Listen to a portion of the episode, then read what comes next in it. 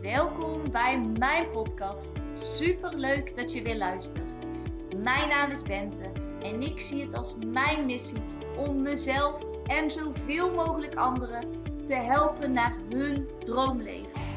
In deze podcast heb ik het over hoe je een succesmindset ontwikkelt, wat de wet van aantrekking is, hoe je deze voor je laat werken en hoe jij stappen kunt zetten richting jouw droomleven.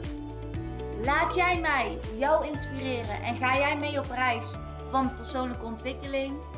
Let's go Dio! Hello, good morning. Daar zijn we weer. Ik ben lekker eventjes aan het wandelen. Ik vind het heerlijk aan deze nazomer. Dat als je ochtends naar buiten gaat, dat het gewoon lekker fris is.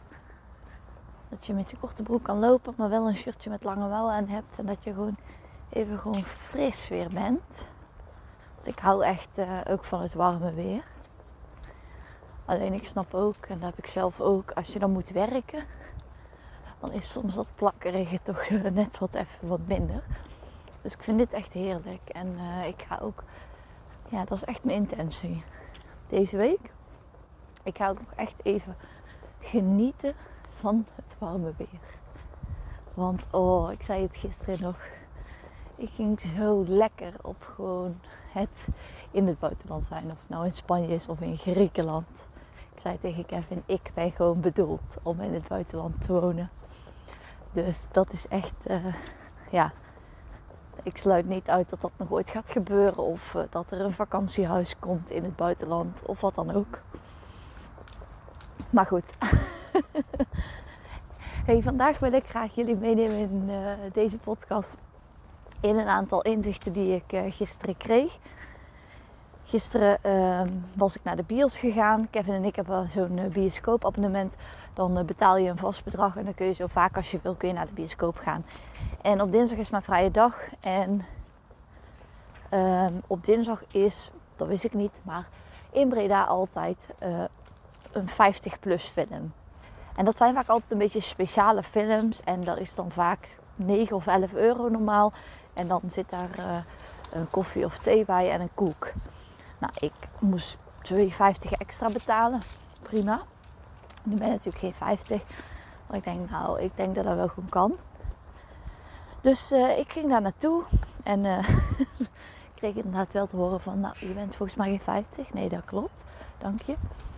Maar ik ging naar een film, Alleluia, Alleluia heette die. En um, die ging eigenlijk over een uh, soort afdeling van een ziekenhuis. Een klein ziekenhuis. En dat was speciaal gericht op ouderen. En die instelling wilden ze eigenlijk, uh, dat ziekenhuis wilden ze eigenlijk stoppen. En ze wilden dat gewoon samen gaan voegen bij een ander ziekenhuis. Um, alleen zij waren eigenlijk gespecialiseerd in die zorg. Dus uh, er werkten daar twee verpleegkundigen en één arts die super begaan en betrokken waren met de mensen. Maar ja, ze werden dus eigenlijk met, ja, hoe noem je dat? Met sluiten bedreigd. En uh, de film draait er eigenlijk om dat er op dat moment een filmploeg komt. En uh, dat die eigenlijk met mensen in gesprek gaat over hoe het nu daar is. En met de gesprekken uh, met de, de, het personeel wat er werkt. En dat eigenlijk. Nou, het is allereerst echt een super mooie film. Ik vond hem echt heftig. Er zijn, dit zijn echt van die films waar ik um, ja, gewoon echt emotioneel van word. Omdat het weer op het hart wordt benaderd. Dat het weer op het hart wordt gedrukt. Tenminste, zo voelt het altijd voor mij. Hoe kostbaar het leven is en hoe erg je de, de, ja, de kleine dingen in het leven eigenlijk moet waarderen. Of niet moet waarderen, maar kan waarderen. Dat er zoveel is om dankbaar voor te zijn. En uh, nou, er zijn een aantal lessen echt specifiek uit deze film die ik graag met je wil delen. Want ik, voor mij waren het weer ja, echt heel, hele goede dingen. En dat is nummer één. En mijn oma zei het al altijd. Wie het kleine niet eert, is het grote niet weert. Lekker dialect, maar als je het kleine niet waardeert, zal het grote ook niet naar je toe komen. En ik geloof daar zo in. Ik geloof zo in de kracht van dankbaarheid.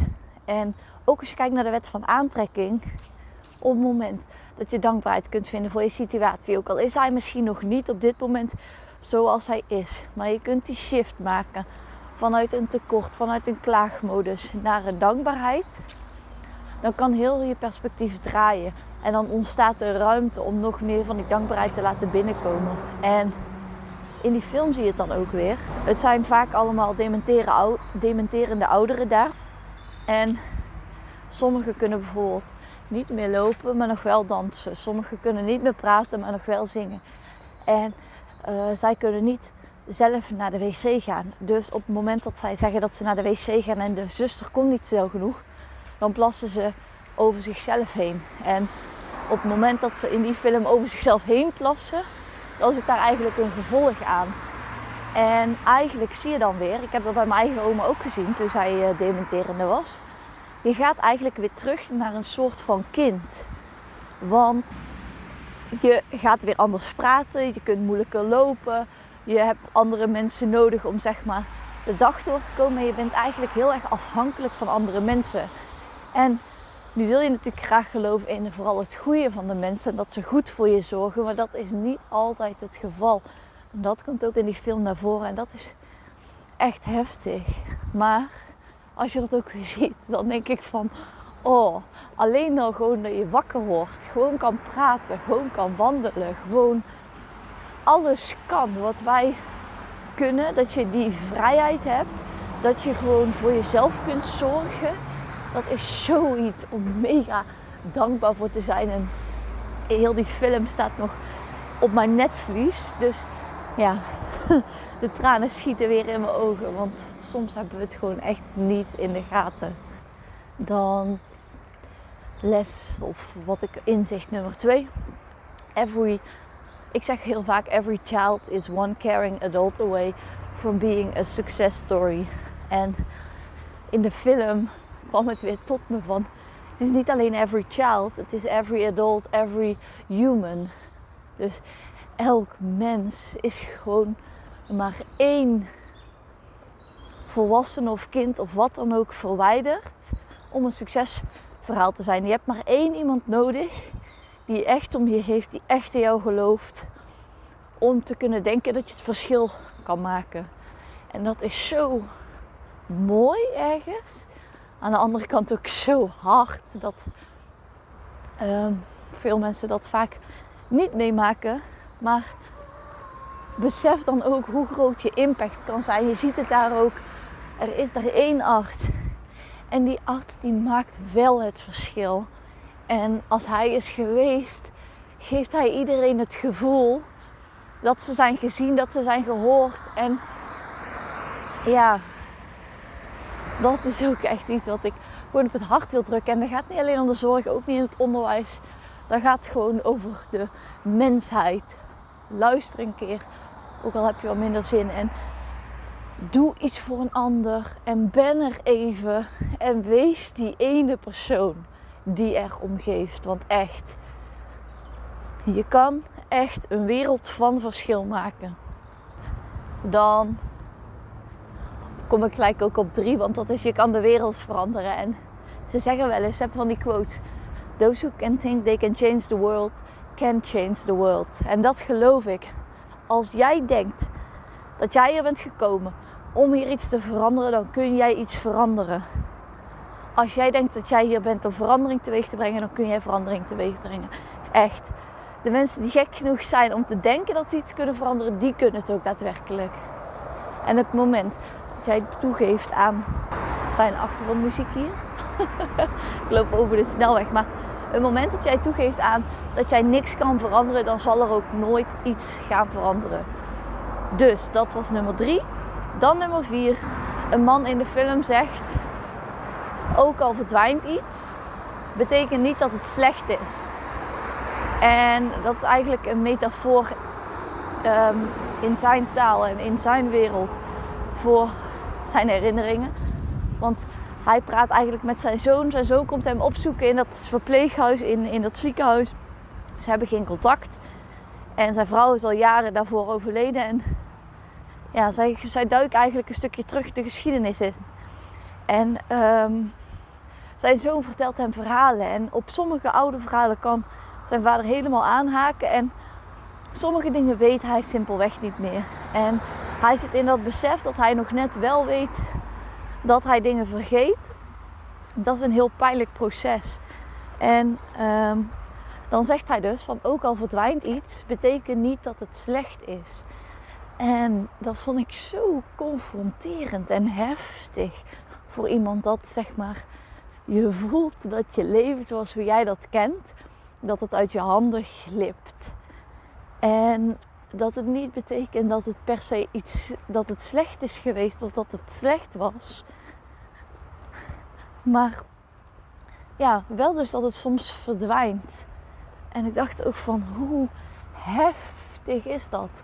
Want het laatste wat hij zei was, en dat vond ik ook, ja, wat ik al zei, zo'n film en ik, emotioneel. Hij zei dus, ik zou alles betalen voor herinneringen. En wat bedoelde hij? Kijk, zijn hersenen lieten hem natuurlijk in de steek. En hij zei, ik zou alles betalen voor herinneringen. En um, dat is echt iets. In het huidige hier en nu streven we steeds naar meer en beter. En dat is denk ik ook goed. Maar ik hoop echt, en ik wil je daarmee echt op het hart drukken. Ik hoop echt dat je ook nooit vergeet om de herinneringen te maken. En niet over tien jaar, niet over vijf jaar. Maar gewoon nu. Om nu de herinneringen te maken. Om toch op de foto te gaan. Ook al heb je geen zin om nu een keer een weekendje weg te boeken. Je leeft nu. Maak de herinneringen nu. Ga niet alleen maar sparen voor later. Ga niet alleen maar denken over tien jaar. Over tien jaar moet ik daar zijn. Maar ga de herinneringen nu maken. Je kunt echt zoveel beter. De ervaring hebben doorgemaakt en hebben gedacht: oké, nou daar heb ik van geleerd dat dit niet werkt. Dan dat je altijd maar gaat denken: wat nou als ik dat toen had gedaan? Alsjeblieft, ga dat doen. Maak foto's, schrijf het op, documenteer het. Want je wil niet zo kijken. En hoe dat later gaat zijn, daar hebben we geen invloed op. Oké, tot een bepaald opzicht wel, maar goed. Daar heb je misschien niet alle invloed op in je beleving. Maar je hebt wel invloed op hoe je je leven nu leidt. Op hoeveel herinneringen maak jij nu? Hoe kijk jij terug op vorige week? Of ben je alweer vorige week vergeten? En ben je alweer druk bezig in, de waan van de dag? Hoe kijk je terug op gisteren? Hoe erg heb jij je partner gezien? Hoe erg zie jij je kinderen? Hoe erg ben je bezig geweest met dingen doen voor jezelf? Hoe erg ben je bezig geweest met dingen doen waar je blij van wordt? Allemaal van die kleine vragen die je jezelf kan stellen om dingen in het hier en nu anders te doen. En bewust bezig te zijn met herinneringen maken. Dit waren mijn uh, takeaways van, uh, uit de film Halleluja. Ik vond het uh, echt een aanrader. Wel een tranentrekker.